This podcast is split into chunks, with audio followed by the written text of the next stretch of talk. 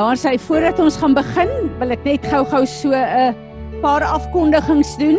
Ek praat nou met met Wilhelm en met Johan ehm um, Gracious Johan, dis lekker om vir jou en Bonnie hier by ons te hê, hoor.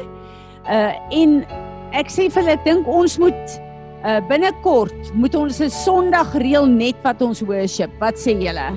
En dan nooi ons vir Johan 'n bietjie en dan doen ons net 'n worship Sondag. So hulle twee gaan met mekaar praat en dan sal ons bietjie twee datums daar sit om te kyk of ons almal hier gaan wees want ek sou graag wil hê die hele gemeente moet hier wees. Uh donderdag gaan ons aan met ons gewone vroue groep en dan ook met die Elijah House. Um ek dink is ons laaste een villa. Uh gaan ons aan daarmee Dinsdag ons bediening. Ons het uh, hierdie week ehm uh, die boere wat ons bymekaar uh, gaan gaan uh, bring om die seisoen aan die Here op te dra, maar uh, Rudolf is besig om te onderhandel met uh, die tyd wat ons daar stel. Pas die boere nie en hierdie hele ding is om die boere te akkommodeer. So hy gaan met hulle kommunikeer, dan sal ons op die groepe sit wanneer ons dit uh, doen. Goed, julle vanaand kwart voor 6 sal ons Piet sal dit vir jou reg wees kan ons zoom wat ons dan uh, Yom Kippur gaan inlei. Ehm um, en dan het ons die 24 uur vas. 6 uur vanaand tot 6 uur môre aand, dis die allerheiligste dag in God se kalender. Dis ook die dag wanneer die hekke finaal toegemaak word vir hierdie jaar wat ons oorstap in die volgende jaar. So as daar nog goed in jou lewe is waarmee jy moet deel, dan ehm um, uh, is dit die uh, uh, dag wat jy in 'n vas ingaan en regtig die Here se aangesig opsoek. Erna, dis lekker om jou ook hier te sien. Ehm um, sjoe, ons verlang na jou. Ehm um, ja, en dan dan uh, gaan uh, het ons net 'n watervas asseblief voor. Dan gaan ons regtig die Here vasgryp. Ek wil vir julle sê, ek dink nie ek het 'n jaar al beleef waar daar so geveg is van oorskakel van een jaar na die ander jaar nie.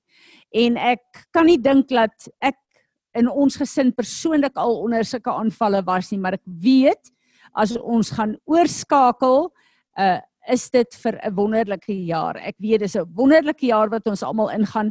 As ek kyk al die groot goed wat in die gemeente is, wat eh, die aanvalle wat julle gehad het, Christie, ek is bly julle is ook op en ek is baie dankbaar Christie het nie so seer gekry nie, maar as ek kyk na Rudolf en in uh Lizaan hierdie hele um uh uh hijack wat die Here ingegryp het, dan is ek baie dankbaar daaroor. Uh ek moet vir julle sê gister um was ek so trots geweest op op my man. Hy en Johan Junior was uh koereman toe man nie aan die kant Koereman om motorfietsse te gaan haal en ehm uh, uh, toe hulle stop op 'n plek om uh, kos te koop toe ruk hulle die kar se deur oop en hy hy's vir 2 maande al besig om te sukkel om sy nuwe iPhone te kry. En hierdie week wat verby is na 2 maande se gesukkel, sit hy met sy lieflike iPhone 11 en hulle ruk dit uit sy hande uit. En Johan sê vir my mamma, ek is so geseën deur pappa se reaksie. Hy het gesit en hy het vir hulle begin bid en hy het hulle geseën en hy het hulle opgeëis vir die koninkryk van God. Well done. Ek wil vir julle sê daar land goed in ons en dit is die tyd wat jy 'n reaksie het sonder dat jy dit kan beheer. So wat ek vir julle wil sê, toe ek dit hoor, toe besef ek, baie goed bid ons in hierdie gemeente. Baie goed vra ons die Here om te doen. Maar wanneer die geleentheid daar is, wanneer ons kan sien sy karakter is besig in ons te vestig, is daai tyd wat jy nie kan dink nie jy reageer net. En dit het my so geseën want ek het geweet soos wat ek weet, wat ek in hom sien land, land die Here in my en in julle ook. En dit het my regtig waar ehm, ja, dit was wonderlik. Dankie vir julle almal wat vir ons as 'n gesin gebid het. Hou aan vir Molly bid asseblief. Ek besef dit is baie moeilike tyd, maar weer eens het ek hierdie hele ding net gekyk en besef dat as ons kan staan wanneer dit nodig is en ons moet kies vir die Jesus wat ons dien en nie compromise met ons geloof nie en ons kan dit laat staan en sê Here, ons kies U. Die ander goed is nie moeite werd nie. Dan besef ek Daar is 'n prys wat ons betaal, maar nie een van ons het nog ooit 'n prys betaal wat God nie kom dit wat jy saai, kry jy 'n oes voor en hy bly in beheer. Ehm um, ek wil voordat ek uh, uh gaan begin selfs voordat ons gaan begin worship wil ek vir julle sê ek het ehm um, oor hierdie tyd uh ja, mense het baie op en af en in uh baie vrae en baie goed wat 'n mens voor die Here hou. Maar ek luister na Dr. Richard Hurt se laaste podcast. Wie van julle het dit geluister? Dis altyd net ek en Rudolf wat voor is. O, Tanya ook, Tanya. Maar hy hy gebruik Esegiel en hy gebruik uh um ja Johannes die Eh, Johannes die die apostel van liefde as twee voorbeelde. En ek besef dat Esegiel in Esegiel 1 as jy dit gaan lees, het te midde van captivity. Hy was 700 km weg van sy land af. Hy was in gevangenskap. Hulle word so abused daar. En te midde van dit is sy verhouding in daai omstandighede so dat God hom kan hemel toe vat. En ek hy hy praat oor Johannes ehm um, uh op die uh, in die boek Openbaring op die eiland van Patmos. Ek het nooit besef voor die tyd nie. Jy besef dit nie, maar jy weet dit. Maar jy bedink dit nie. Dat Johannes was in daai kookolie gegooi. Hy het nie dood gegaan nie. Hulle het hom uitgehaal en Patmos toe verban. En ek besef dat om in kookolie gegooi te word, hy het hy het seker vreeslike letsels en brandwonde en goed gehad maar hy het nie dood gegaan nie. Hy's verban soontoe. Hulle het in soutmyne gewerk onder haglike omstandighede. Dit was hulle lewe gewees. En eendag 'n week het hulle afgekry. En dit was the Lord's Day. En in hierdie omstandighede wat hy was en in die deformity van sy liggaam seker na wat met hom gebeur het is sy verhouding met God so in sy worship so dat die Here die hele boek Openbaring vir hom in die hemel kan wys. En ek besef dat as ek en jy op 'n plek kan kom in hierdie jaar finaal afsluit en volgende jaar oorstap om te sê omstandighede sal nie my lewe beïnvloed nie. Dis wat Paulus vir ons gewaarsku het en gesê het I will not walk by sight but by faith. Hoekom het Paulus dit gesê? Hy's vir dood neergelaat. Hy's gestenig. Hy is hoeveel keer met die kats geslaan. Hy was in die tronk gewees. Hy was te midde van dit kom hy en hy sê vir Timoteus, "Do not walk by sight." Moenie laat dit wat jou uh, op aarde wat jy moet deurgaan, jou geloof beïnvloed nie, maar hou jou oë op die Here. En dis vir ons baie maklik om dit te doen as dit met ons goed gaan, julle. Maar as dit met ons sleg gaan en jy voel amper dat jy nie 'n toekomsvisie of iets het in sekere opsigte nie. Is dit nie so maklik om jou oë suiwer op die Here te sit en te sê Here, ek verstaan nie wat hier aangaan nie, maar nogtans sal ek jubel en juig in my God, my Skepper. En ek dink dit is die plek wat ons hierdie jaar mee afsluit. Ten spyte van al hierdie slegte goed wat hierdie afgelope jaar met ons gebeur het. Ten spyte van die goeie goed, ten spyte van die seëninge, sal ons verklaring wees. Nogtans sal ek die Here loof en prys en ek sal jubel en juig my God vir wie hy is, nie wat my omstandighede is nie. En ek dink as ons op hierdie plek kan kom, dan die Here ons op 'n plek gebring waar goed geland het in ons lewe. Want dan kan niks en niemand ons skud nie. Kom ons staan. Vader, ons kom en ons kom buig in aanbidding voor U in hierdie dag. Ons wil kom verklaar in hierdie dag daar is niemand wat met ons God vergelyk kan word nie. Ons wil saam met die skepping en die heelal en al die engele in hierdie oggend uitroep: Heilig, heilig, heilig is die Here ons God almagtig. Here Jesus, U wat gekom het, die prys betaal het op Golgotha. Wat omstandighede nie toegelaat het om U fokus weg te vat van U skepingsdoel op aarde nie. U het vir ons die volle prys betaal. U het ons kom verbind terug aan ons Vaderhuis. U het Heilige Gees vir ons kom gee sodat ons vanoggend kan jubel en juig en kan verklaar dat God is gister, vandag tot in alle ewigheid dieselfde. Ons kom buig onsself op die altaar vanoggend as lewende offers. En ons wil u vuur afroep en sê Here kom verbrand alles wat nie lyk soos u nie. Alles wat nie vir u aanneemlik is nie. Kom suiwer ons Here. Kom beklee ons opnuut in die begin van hierdie nuwe jaar met die volheid van wie u is. Ons bid Here dat u in hierdie jaar en in hierdie plek in ons wil sal kom werk om u wil te doen in elke opsig van ons lewe. En ons wil hierdie oggend begin deur ons gees, siel en liggaam op 'n plek te bring waar ons wil jubel en juig en getuig. U is ons God. Ek bid dat u hierdie aanbidding vanoggend as 'n soet soet offer sal aanvaar.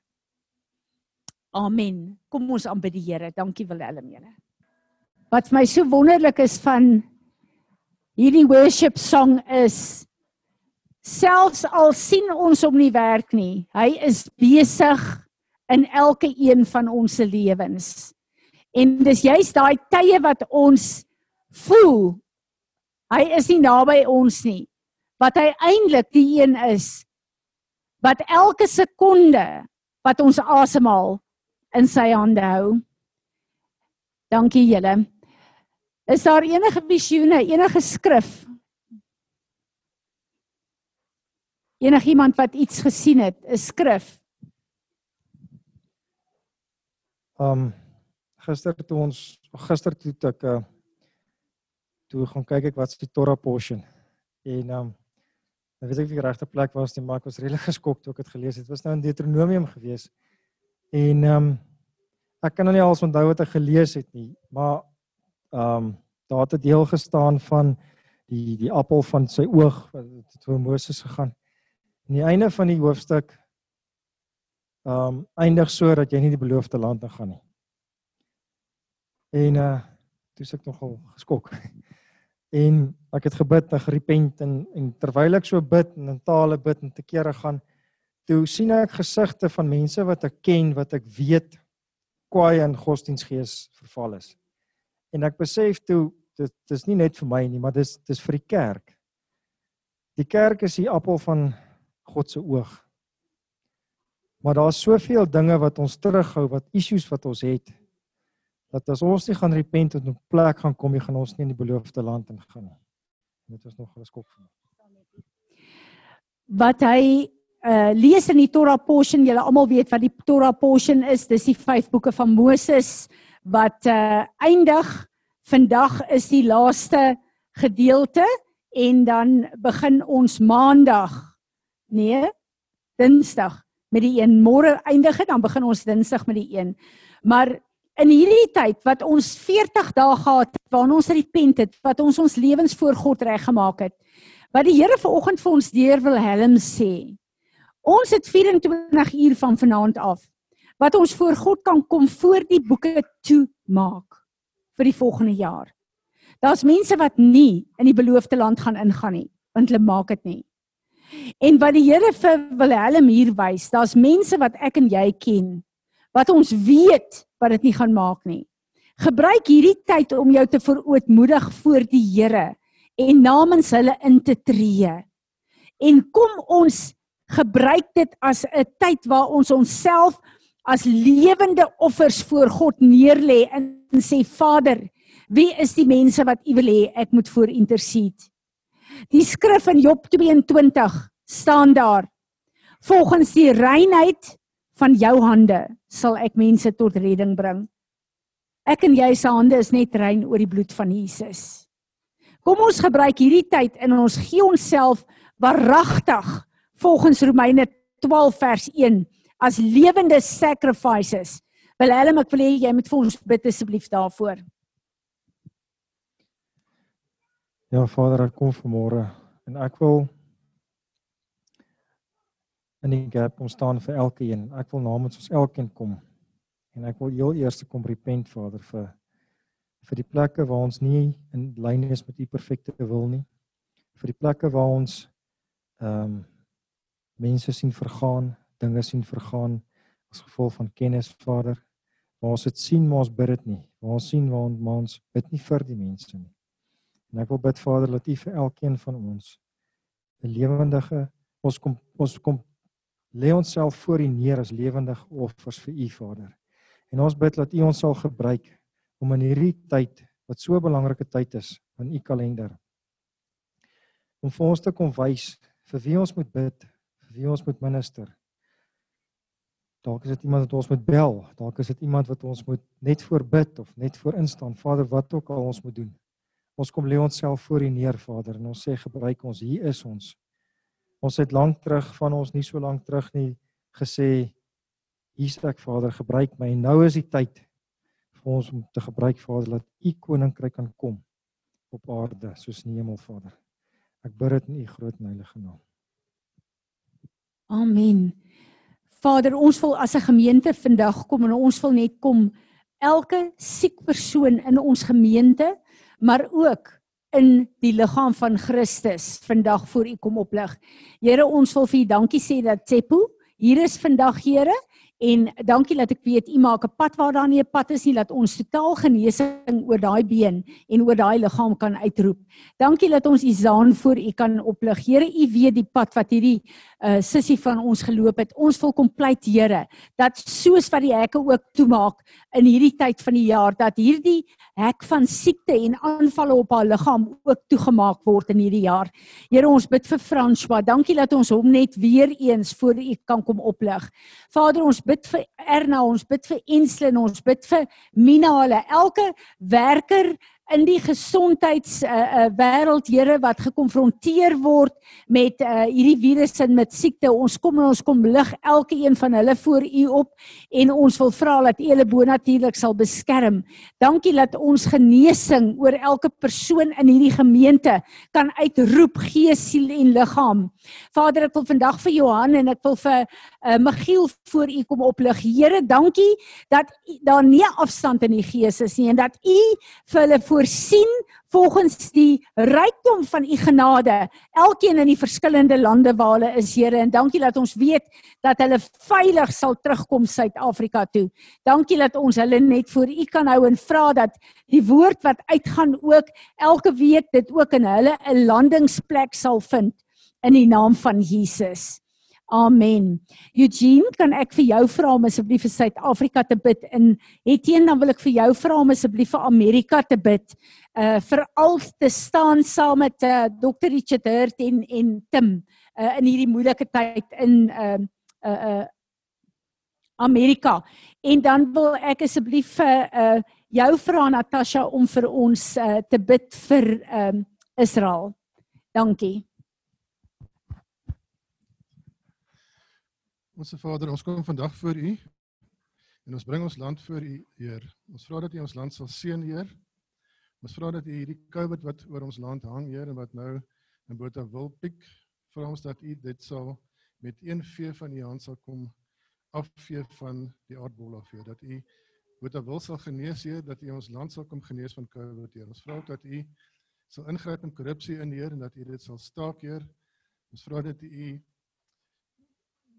Ons kom en ons bind vir Satan neer en ons sê dat jy het genoeg in ons land gewerk. Die korrupsie, al die boosheid wat in ons land is, al die moorde, al die misdade wat in ons land is, kom ons en ons bind dit in die naam van Jesus Christus. En ons vra dat jy ons land sal heel op alle vlakke wat nodig is, Heer. Ons vra dit alles net in die naam van Jesus alleen. Amen. Amen. Dankie, Etienne.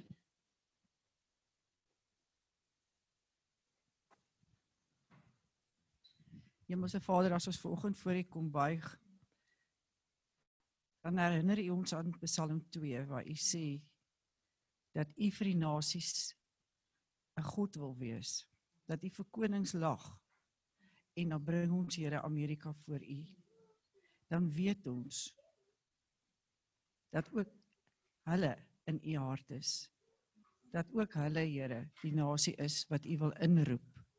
Ek bid Here dat u vir apostel Tim en dokter Richard het sal voorgaan dat U vir hulle lig sal wees. Dat U hulle sal beskerm. in die boodskap wat hulle bring. Here, dit moet vir hulle ontsettend moeilik wees in 'n land wat so de mekaar is. Vir elke Christen in Amerika, Here, bid ons dat hulle sal ervaar hoe U elke oomblik en elke sekond by hulle is. En ek bid die boet van Jesus oor elkeen van hulle. Ons bid Here dat in 'n verkiesingstyd waarheen hulle op pad is, dat U ook hulle beskerming vir hulle daar sal bied. Dat U na kyk na president Donald Trump dat U hom sal beskerm, dat U vir hom 'n lig sal wees en dat hy en sy hele kabinet Here leiding van U sal kry in 'n wêreld wat so de mekaar is. Dankie Here dat ons hulle aan U kan opdra. Dankie Here dat ons kan weet dat ook hulle U aanroep en hulle U aangesig soek.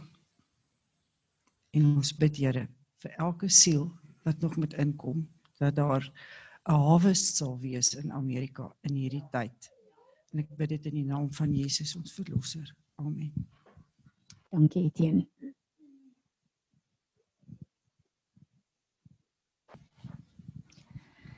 Dankie Vader dat ons voor U kan staan ver oggend en dat ons die voorreg het om vir Israel te kan bid. Dankie dat ons die voorreg het om te kan staan agter Israel, U geliefde volk. Dankie dat ons die voorreg het as gevolg van Israel dat ons in die koninkryk kan inkom.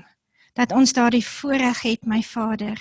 Ons bid dat U in hierdie tyd, Here Jesus, U sal openbaar in elke Jood waar hulle besig is met die feesvieringe, dat hulle U sal leer ken as die seun van God wat reeds gekom het. Ons bid dat hulle oë sal oopgaan en dat hulle ore sal oopgaan om U te kan sien. Mag U Shalom vrede, U voorsiening en U krag om hulle wees. En ons vra dat U Israel aan U tydsblokke verbind sal wees en dat elke plan wat die vyand het en smee teen Israel nie suksesvol sal wees nie maar dat u perfekte wil, u perfekte vrede hulle sal omring in Jesus naam. Amen. Amen. Dankie Natasha. Wie doen vandag die verbondsmaal? Belinda. Goed, ons gaan dit na die tyd doen. Ek het nou vandag die voorreg, ek sou nie hier gewees het nie. LJ, dis altyd vir my so lekker om jou hier by ons te verwelkom. So ons gaan vandag 'n bietjie hoor wat die Here vir ons deur jou sê. En ehm um, Johan, Gracious, ek wil nie jou op 'n 'n moeilike plek sit nie, maar kan ons afsluit na die verbondsmaal sal jy vir ons sing daai song van jou. Dankie en ons lekker daarmee bedien. Baie dankie LJ. Vader, dankie dat ek hom kan opdra aan U. Dankie Here dat hierdie platform 'n platform is waar jy met vrymoedigheid kan staan en U woord bedien. En dankie Vader vir U salwing op hom om ons in hierdie dag te bedien. Amen. Geniet dit. Baie dankie Fransie. Dit is vir my altyd 'n voorreg en 'n eer om hier te wees met julle en ek wil net Fransie vir jou eer vir die gebed en die vertroue in ons as gesin daar in Kreersdorp oor die jare. Ons waardeer dit en ek bid dat die Here regtig vir jou sal lei met wat dit wat hy vorentoe vir julle het. Johan ook. Ek kry altyd op die verjaarsdag bel Johan en dan praat Fransie ook. Kan ons so aan onsself vat en net sê ek is verantwoordelik en ek is aanspreeklik. Ons is 'n liggaam van Christus. Ons is 'n kerk en hierdie is verniet is bietjie so of skrip. Ek as 'n pa in my eie huis uh, leer my kinders dat hulle verantwoordelikheid het in die huis. Hulle moet die huis hanteer asof dit hulle huis is en elkeen van ons het daai verantwoordelikheid. As ons kyk na die liggaam van Christus, die kerk, soos ons praat van die kerk, as ek hierso staan dan in Engels is ek 'n able body want ek het al my liggaamsdele. As ek nie 'n arm het nie of my arm funksioneer nie, dan sê hulle ek is disabled. En ek wil net sê dit is soos ek sê, dis net 'n side note. Elkeen van ons moet verantwoordelikheid vat vir onsself in ons liggaam in die huis waar ons is om te help, om te doen die ou die kinders stoei altyd oor die skottelgoed was maar eventually word die skottelgoed gewas as ek dit as 'n voorbeeld gebruik ek wil dit net noem ehm um, dan dink ek moet ek net Ek kom hier in en ek is redelik rustig en Marina sê nee ons is heeltyd op Zoom so ek weet nie of jy stydsvryheid weet ek van maar Zoom vryheid mag ook dalk nou pos vat. Ag, oh, dankie Vader dat ons net voor U kan kom en Heilige Gees dat U ons lei. En ek bid Vader dat U net alle opinies, menslike opinies sal wegvat en dat U sal praat, dat U U hart sal spreek met ons tot ons. En deur U woord dat verandering sal gebeur, dat ons in 'n nuwe plek sal staan van vandag af vorentoe. Ons loof U en ons prys U en ek bid dit in Jesus naam. Amen. Ek het 'n vriend het gesels so verlede week want ons land het redelik uitdagings. Die wêreld het uitdagings en gee vir ons genoeg geleentheid om van die spore af te gaan. En ons kan onsself regverdig met wat ons voel en hoe ons voel op daai stadium en ons kan redelik kwaad word. En ek gesels met hom. Hy werk in die gevangenis. En hy sê vir my eers hy weet eendag gaan die ouens voor die Here staan en die Here gaan oordeel bring oor daai manne. Hy wens hulle kan dit sien en ervaar die oordeel van die Here. En ek sê vir hom, weet jy wat? As ek kyk na die woord van die Here en ek kyk na nuus en ek dink baie keer wat ek dink op daai stadium en ek moet saam met daai manne voor die Here staan gaan die judgment nie veel anders wees nie. Maar ons sit met 'n genadige genadige Here en Vader. Ek gaan ek wil heelwat skrif lees as ek mag. Ek vertrou dit gaan sin maak soos ons vorentoe beweeg. Uh die eerste stukkie is uit uh Levitikus 19. And the Lord spoke to Moses saying, Speak to all the congregation of the children of Israel and say to them, You shall be holy, for I, the Lord your God, am holy. Every one of you shall uh, revere his mother and his father and keep my Sabbath I am the Lord your God. Daar's daai belofte. Dan vers 33 sê and if a stranger dwells with you in your land you shall not mistreat him. The stranger who dwells among you shall be to you as one born among you and you shall love him as yourself. You were strangers in the land of Egypt. I am the Lord your God. Ehm um, dan dink ek 'n gedeelte wat regtig pas by omstandighede is Psalm 7. Daar's Dawid en die titel van die Psalm is Prayer and Praise for Deliverance from My Enemies. Hy sê in vers 1, O Lord my God, in you I put my trust. Save me from all those who persecute me. Vers 3 sê, O Lord my God, if I have done this unique this If therefore is iniquity in my hand, if I have repaid evil to him who was at peace with me, or have plundered my enemy without cause, let the enemy pursue me and overtake me. Yes, let him trample my life to the earth and lay my honor in the dust. Vers 8 praat hy the Lord shall judge the peoples judge me o Lord according to my righteousness and according to my integrity within me, my integrity within me. O let the wickedness of the wicked come to an end, but establish the just for the righteous, righteous God, test the heart and mind.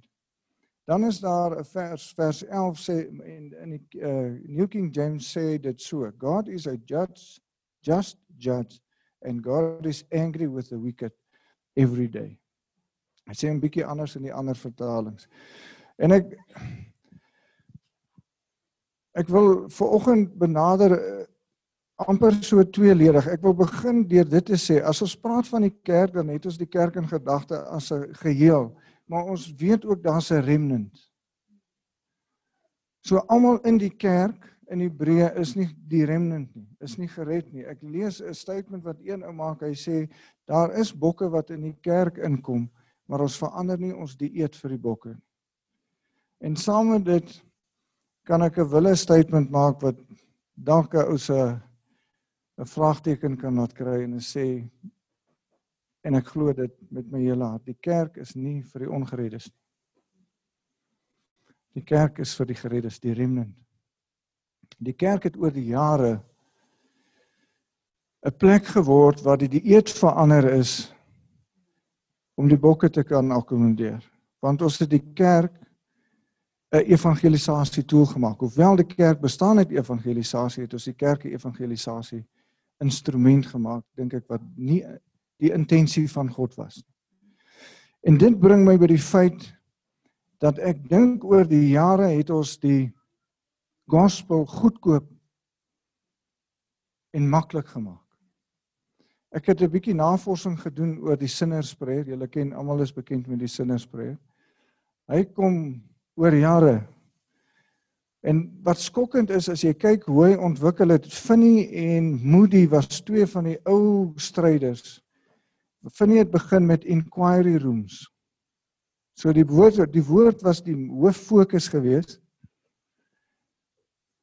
En dan na die tyd as die ouens vrae gehad het, dan het hy met hulle gesit 1 tot 1 en met hulle gepraat en vrae gevra. Nooit vir hulle gesê wat om te doen nie, nooit vir hulle gesê hulle is gered nie nooit aannames gemaak wat hy nie kon staaf nie. Wat ook interessant is, baie van daai ouens, dis groot name, Spurgeon dink ek is die kortste, dis 4 jaar, die ander is 10 jaar, 14 jaar wat hulle aktief God gesoek het en dan na jaar 14 by wedergeboorte uitgekom het. Terwyl hulle aktief besig was om die woord van die Here te verkondig.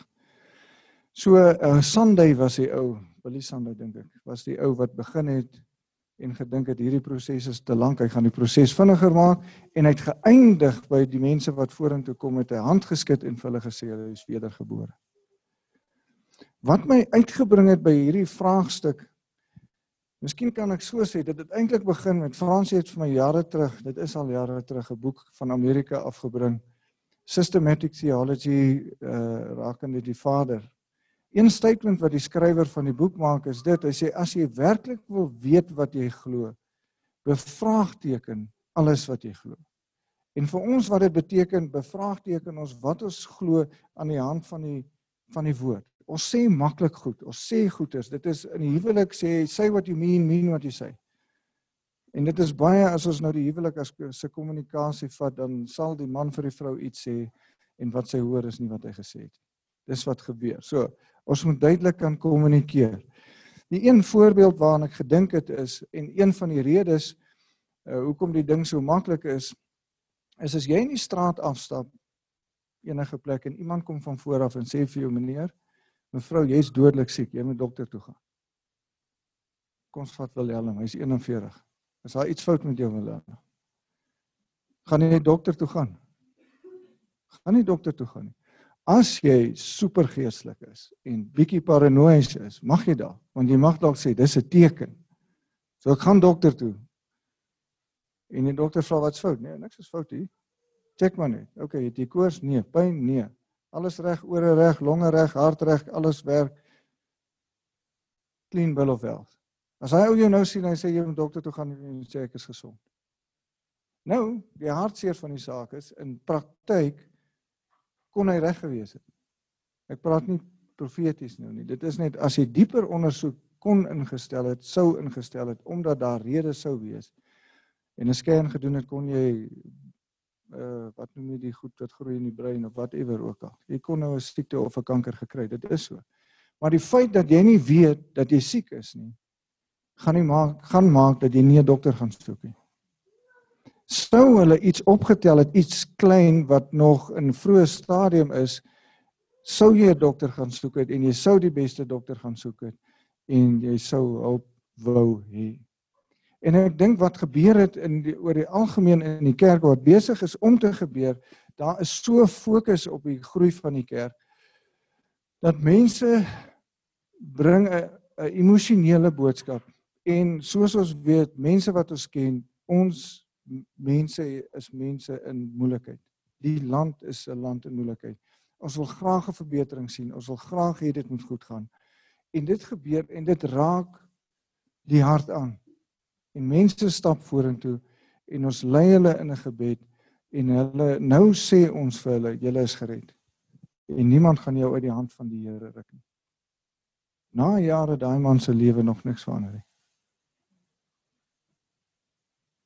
Billy Graham, die ouens het statistiek genoem 10%. Billy Graham het dit self gesê, as 10% van die ouens wat vorentoe kom werklik wedergebore is, sal hy juig. En dit is waar die inquiry rooms na die tyd het iemand weer daai stelsel begine inbring en begine praat met die mense. Want die gospel is nie maklik nie. Dis eenvoudig, maar dis nie maklik nie. Dis eenvoudig, maar dis nie goedkoop nie. Daar's 'n prys te betaal en dit is 'n neerlegging van jou hele wese. Ek luister na die song wat ons gesing het, I'm so in love with you Jesus. Nou ek het gister golf gespeel, die tweede dag in 'n ry. Ek dink nie dit is moontlik meer vir my nie. Dan dink ek jy het ek opgetree soos iemand wat verlief is op Jesus nie. En dis hoekom ek sê ons is verantwoordelik en aanspreeklik vir onsself met wat ons het. Ons is ook verantwoordelik en aanspreeklik vir die mense wat ons na die Here toe wil lei. En dan moet ons die gospel reg verstaan. Ons moet verstaan wat sê God vir ons? Wat beteken dit om gered te wees? Hoe lyk dit as jy gered is en wat is die vrug wat jy dra? Want dis Jesus Christus wat red deur die werking van die Heilige Gees. Dis geloof. Faith in Christ en om God te glo. Om Jesus te glo wat hy sê. Ek dink aan 'n aan 'n voorbeeld en dit gebeur dink ek baie daar's 'n goeie veral na Covid sal dit seker die geval wees. Die gewiggies het bietjie aangekom en jy sien 'n advertensie van 'n treadmill en die gespierde ou wat verseker nie met die treadmill daar gekom het nie, maar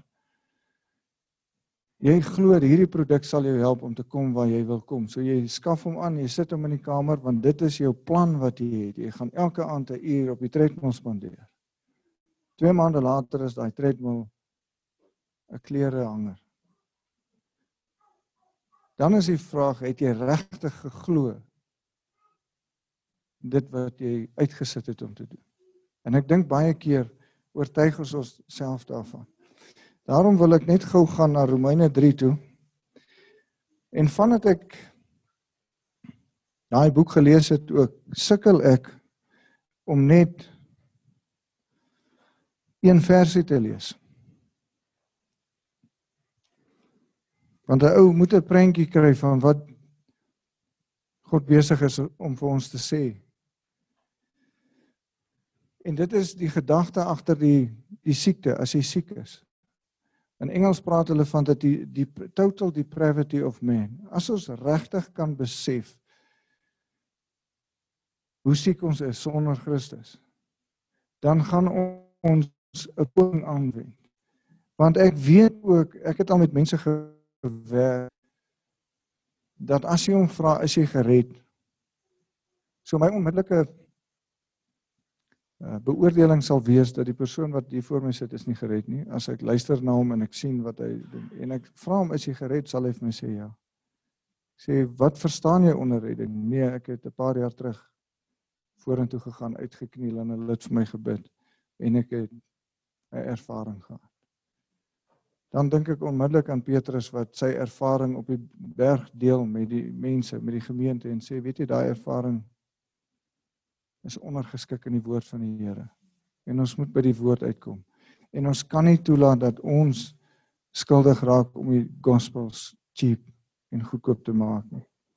Romeine 3 sê dit What advantage then has the Jew or what is the uh, profit of circumcision? Much in every way, chiefly because to them were committed the oracles of God. For what if some did not believe? Will they un, will their unbelief make the faithfulness of God without effect? Certainly not. Indeed, let God be true, but every man a liar, as it is written, that you may be justified in your words, that is God speaking, and may overcome when you are judged. But if our unrighteousness demonstrates the righteousness of God, what shall we say? Is God unjust who inflicts wrath? I speak as a man? Certainly not. For then, how will God judge the world? For if the truth of God has increased through my lie, uh, increased through my lie to his glory, why am I also still judged as a sinner? And why not say, Let us do evil that good may come, as we are slanderously reported, and as some affirm that we say, Their condemnation is just. What then? Are, your, be- are you better than they? Not at all, for we have previously charged both Jews and Greeks that they are all under sin. En hier is ons die gedagte wat die Here deurbring, verstaan waar jy is sonder Christus. As it is written, there is none righteous, no, not one. There is none who understands, there is none who seeks after God. They have all turned aside, they have together become unprofitable. There is none who does good, no, not one. Their throat is an open tomb. With their tongues they have practiced deceit. The poison of asps is under their lips, whose mouth is full of cursing and bitterness. Their feet are swift to shed blood. Destruction and mis- misery are in their ways, and the, the way of peace they have not known. There is no fear of God before their eyes. Mag ons dit verstaan, soos Wil- Wilhelm nou gesê het, wat hy gesien het, is dat ons nie met 'n Ek dink nie ons daar moet 'n fokus wees op sonde dat daar 'n vrees is dat ek hel toe gaan nie, maar daar moet 'n sonde verstaan wees om te verstaan dat deur genade met genade deur geloof is ons gered. Dis nie ons eie werk nie, dis nie ek wat besluit het ek kies God nie. God het gekies. Hy het my gered. Hy het my uitgeruk. Hy doen dit. Nie die prediker voor op die preekstoel nie, dis die woord van die Here saam met die Heilige Gees wat werk in 'n persoon om werklike draai te maak sodat jy kan sien maar die werk van die Here is in hom en daar is vrug. Dit is 'n proses. Dis nie instant nie. Ons leef in 'n tyd wat dit instant is, maar dit is nie. En dan wil ek so stadig beweeg. Dit is so 'n tweeledige boodskap. En ek wil uit Lukas uitlees, Lukas 10 Julle sal die stukkie ken, is baie bekend. Dit is uh die barmhartige Samaritaan. Maar ek wil net so vinnig raak aan die proses, die vloei van Lukas 10. Dit begin met die 70 wat Jesus uitgestuur het. Om te gaan sê wat hulle moet doen, het hulle die opdrag gegee en het hulle uitgestuur. En dan die volgende keer praat hy met sy disippels oor die stede wat wonderwerke gesien het maar niks gedoen het nie. Hulle was nie repentant nie. Hulle het nie berou gehad nie. Hulle het nie omgedraai nie en hy sê vir hulle dit sou beter gewees het as hulle so Sodom en Gomorra bid dat ek net my feite regkry anders jok ek vir julle. Hy sê in vers 16 who hears uh, who hears you hears me. He who rejects you rejects me and he who rejects me rejects him who sent me. Dis wat hy sê van die remnant wat uitgaan. Dan gaan hy oor na die 70 wat terugkom en hulle jubel en juig oor dit wat gebeur het. Hulle jubel en juig oor die disipel, ag, disipels. Die gee bose geeste wat hulle uitgedryf het. En Jesus sê vir hulle, "Ey, dis goed. Maar dis nie waaroor jy moet bly wees. Jy moet bly wees dat jou naam in die hemel geskryf is." En van daar af het hy so 'n stukkie privaat gepraat met die disippels. En dan kom hy en sê and behold a certain lawyer stood up and tested him saying teacher what shall I do to inherit eternal life He said to him what is written in the law? What is your reading of it? So he answered and said you shall love the Lord your God with all your heart with all your soul and with all your strength and with all your mind and your neighbor as yourself Julle sal sien daai vers 27, ek het dit nou gelees in Levitikus 19 ook. Daai twee wette staan nie normaalweg langs mekaar in die Ou Testament nie. En in die wet bring hulle dit in in die uh, Nuwe Testament sal jy 'n paar keer sien die twee jy moet lief wees vir God en jy moet jou naaste lief hê soos jouself staan by mekaar. And he said to uh, him, you have answered rightly. Do this and you will live. So nou dink hierdie ou hy's bietjie slim want hulle wil Jesus in 'n trap in. But he wanting to justify himself. Is dit nie een van ons groot uitdagings nie? Sê to Jesus and who is my neighbor? Nou hy's 'n skrifgeleerde. Hy ken Levitikus 19. Want bietjie later daar by vers 35 sê Levitikus 19 die vreemdeling onder jou moet jy lief hê.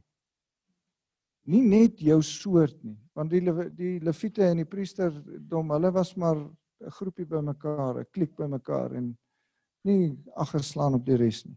Then Jesus answered and said, A certain man went down from Jerusalem to Jericho and fell among the thieves, who stripped him of his clothing, wounded him, and departed, leaving him half dead.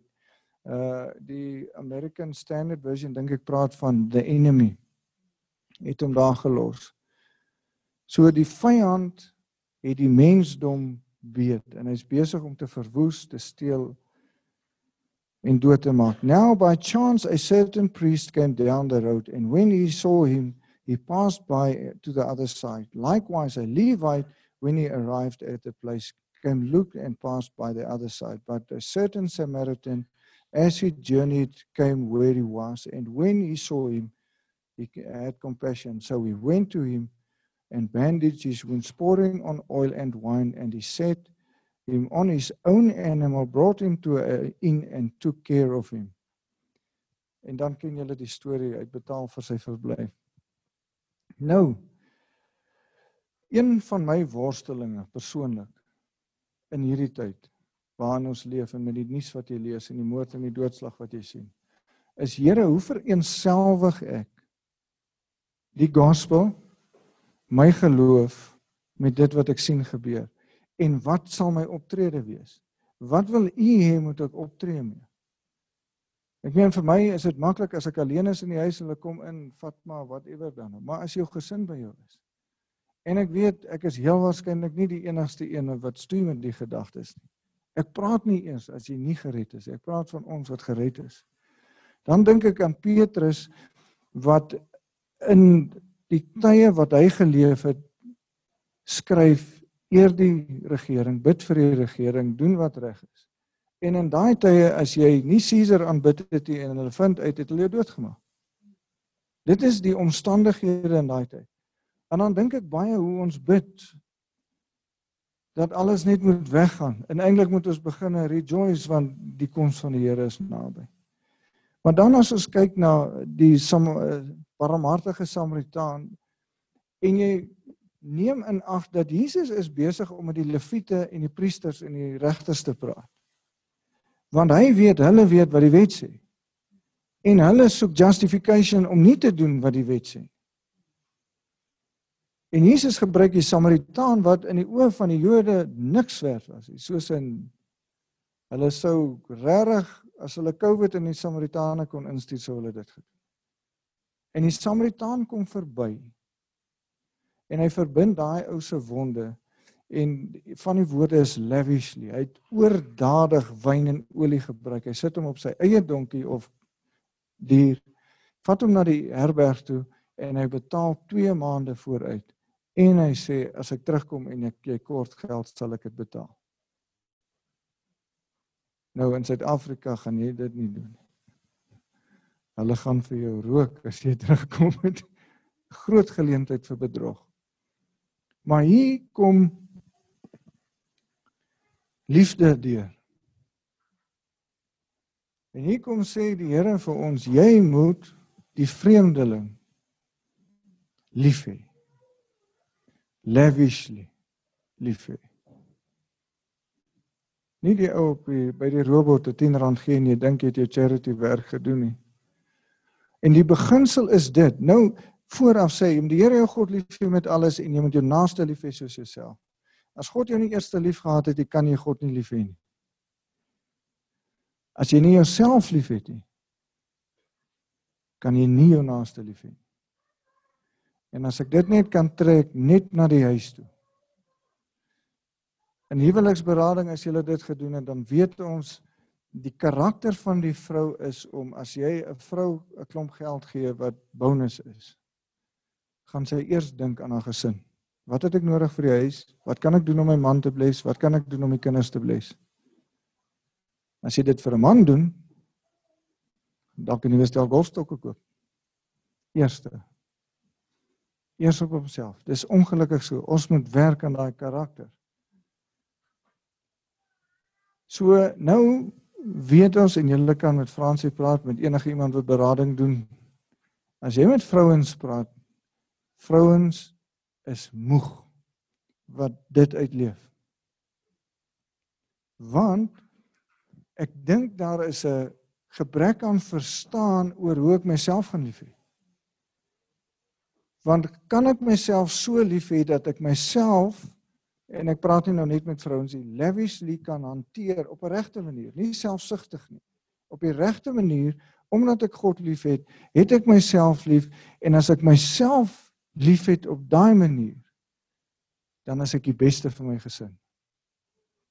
As ek daai ander manier wat my uitmergel en moeg maak en ek kom nie by myself uit nie omdat ek dit moet doen dan is ek nie op my beste vir my gesin nie.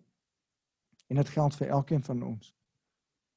As ek kyk na mans en ons praat met mans, dan sê die woord mans, julle moet julle vroue lief hê soos Christus die kerk liefgehad het deur homself op te offer. Nie om 'n draai te stap om jou vrou of jou kinders nie. Sê ek sal later daarby uitkom of miskien kom sy self reg. Ons leef in taai tye, maar goeie tye, want God is besig om ons te groei en te stretch en hy weet ons kan dit doen want ons is in hom. Maar mag ons asseblief nie die gospel goedkoop maak en maklik maak nie, want ek wil vir julle sê ons veroorsaak chaos. Die religious gees gaan sit vas in daai mense en om daai ou te konvert na die waarheid toe is moeiliker as om 'n ou wat nog nie by die Here was nie. Amen. Dankie Vader vir die woord. Ek bid Here dat U ons sal werk deur die Gees dat ons regtig sal verstaan die liefde wat ons moet uitleef teenoor ons naaste. Maar dat ons selfliefde op 'n goddelike manier reg sal verstaan. Ek bid dat U ons gedagtes sal verander en dat ons vrug sal sien van dit. Dat U vir ons 'n 'n ywer en 'n dryf sal gee na dit toe. En Here, daai woorde wat ons sing, ons is so verlief op U. Ons wil hê dit moet waar wees. Maak dit waar vir ons. Dis U wat in ons werk om te wil en te doen. En ons dankie vir U Gees, ons dankie vir die werking En ons dankie dat U ons eerste lief gehad het en dat U ons getrek het en dat ons kan sê ons is kinders van die lewende God. Ons loof U en ons prys U vir dit in Jesus naam. Amen. Dankie. Dankie LJ. Apostel Natasha het altyd iets wat sy sê as jy vandag nie meer gered is as gister nie, dan mis jy dit. En ek dink dis wat so goed deurgekom het. As ons nie daagliks voel Filippense 2 vers 9 en 10 ehm um, 11 en 12 sê ons moet daagliks ons redding uitwerk met vrees en bewering. Ons is nie een keer gered en nou het ons gearriveer nie. Daar's 'n daaglikse redding van ons siele. En ek moet vandag meer gered wees as gister Anders moet ek die Here op 'n nuwe manier gaan soek. Dankie Elsie, dit was wonderlik. Belinda, jy gaan vir ons die verbondsmaal doen. Baie dankie.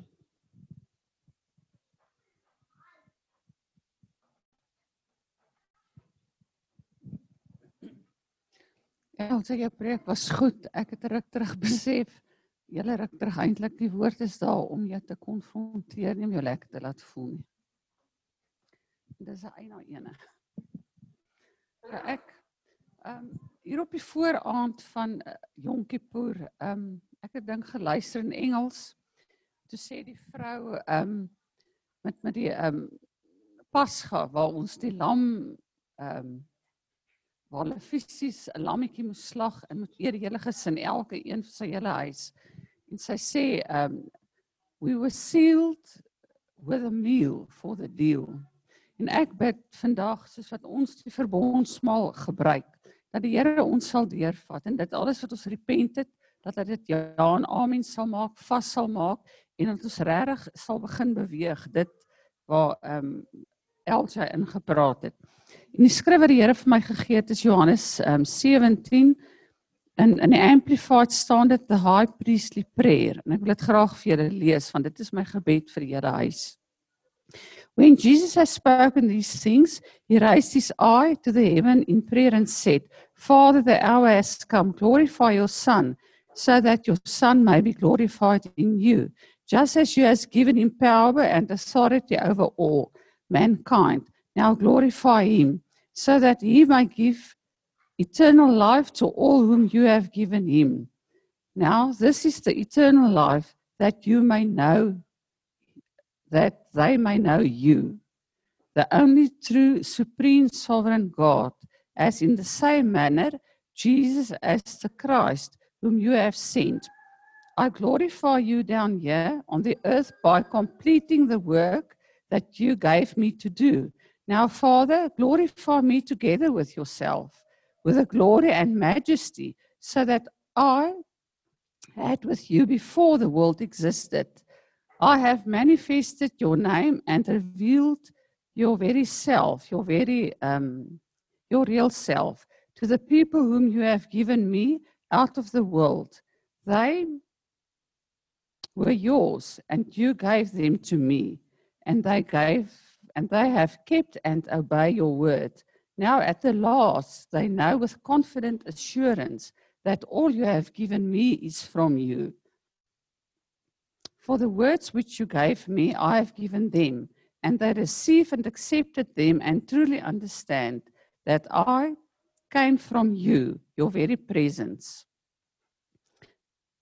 And they believed without doubt that you have sent me. I pray for them. I do not pray for the world, but those who you have given me, because they belong to you, and all things that are mine are yours. En dan kan 'n mens nou daaraan gaan ek wil gou vir julle lees. I am no longer in the world.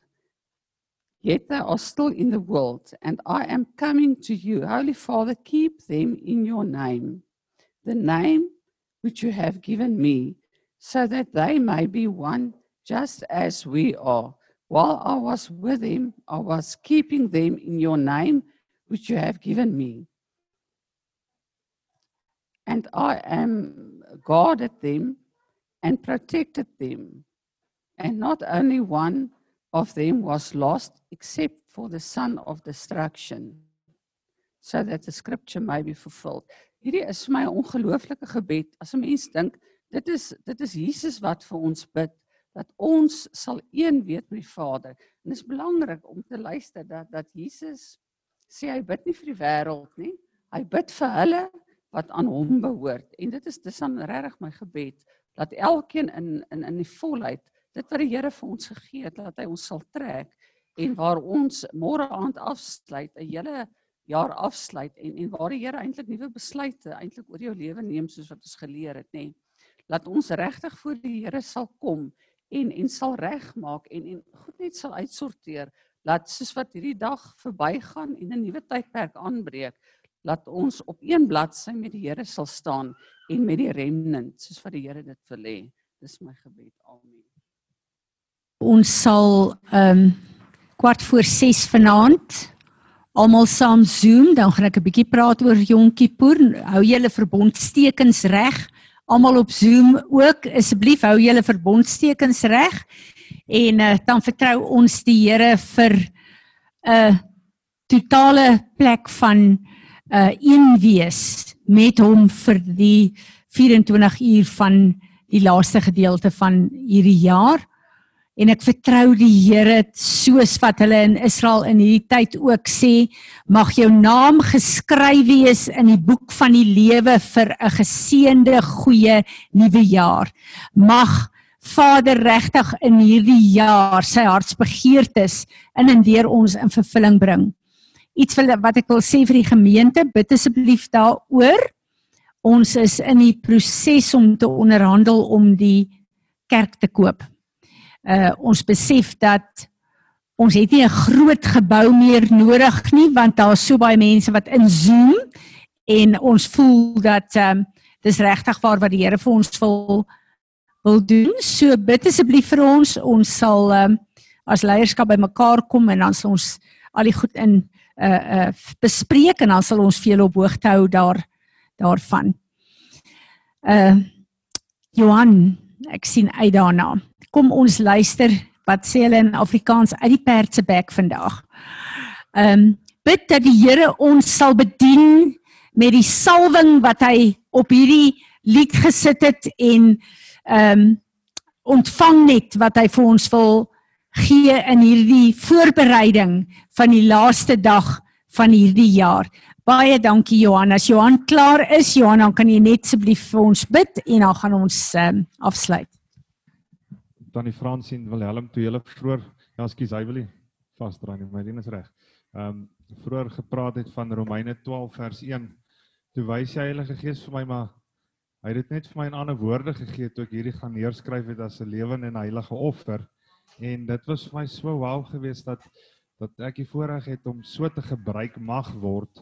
Ehm um, so dis dis dis regtig my lekker om dit te kan deel en om die gesigte te kan sien vandag want ek hoor nou net vir 'n 'n hele tydperk die stemme en om die gesigte te kan sien so ek is ek is regtig bevoorreg om dan nou vandag saam met saam met julle te kan wees. So is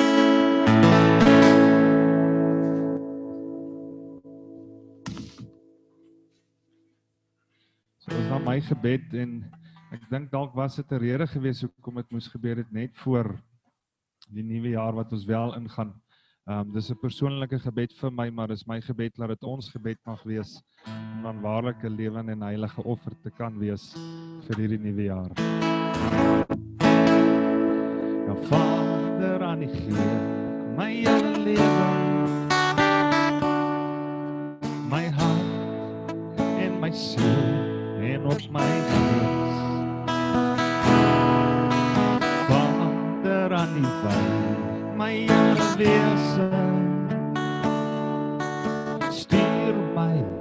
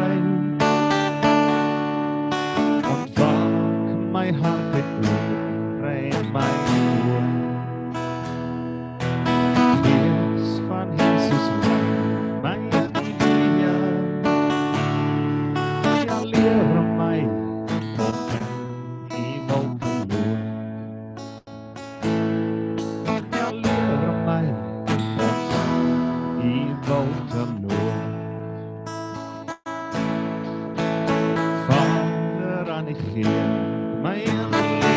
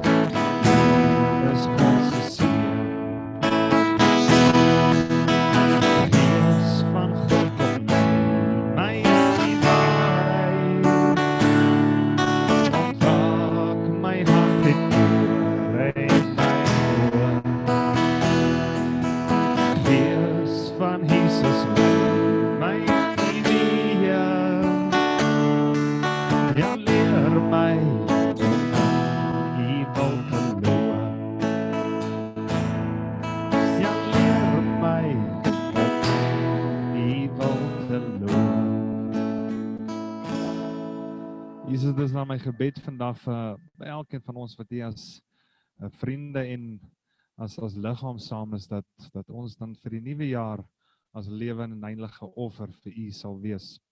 Dat U asseblief vir ons die waarheid sal wys deur die Heilige Gees en vir ons sal lei op die weë wat U wil hê ons moet ons moet loop. Vader, ons is lief vir U. Jesus, ons is lief vir U Heilige Gees. Ons is lief vir U.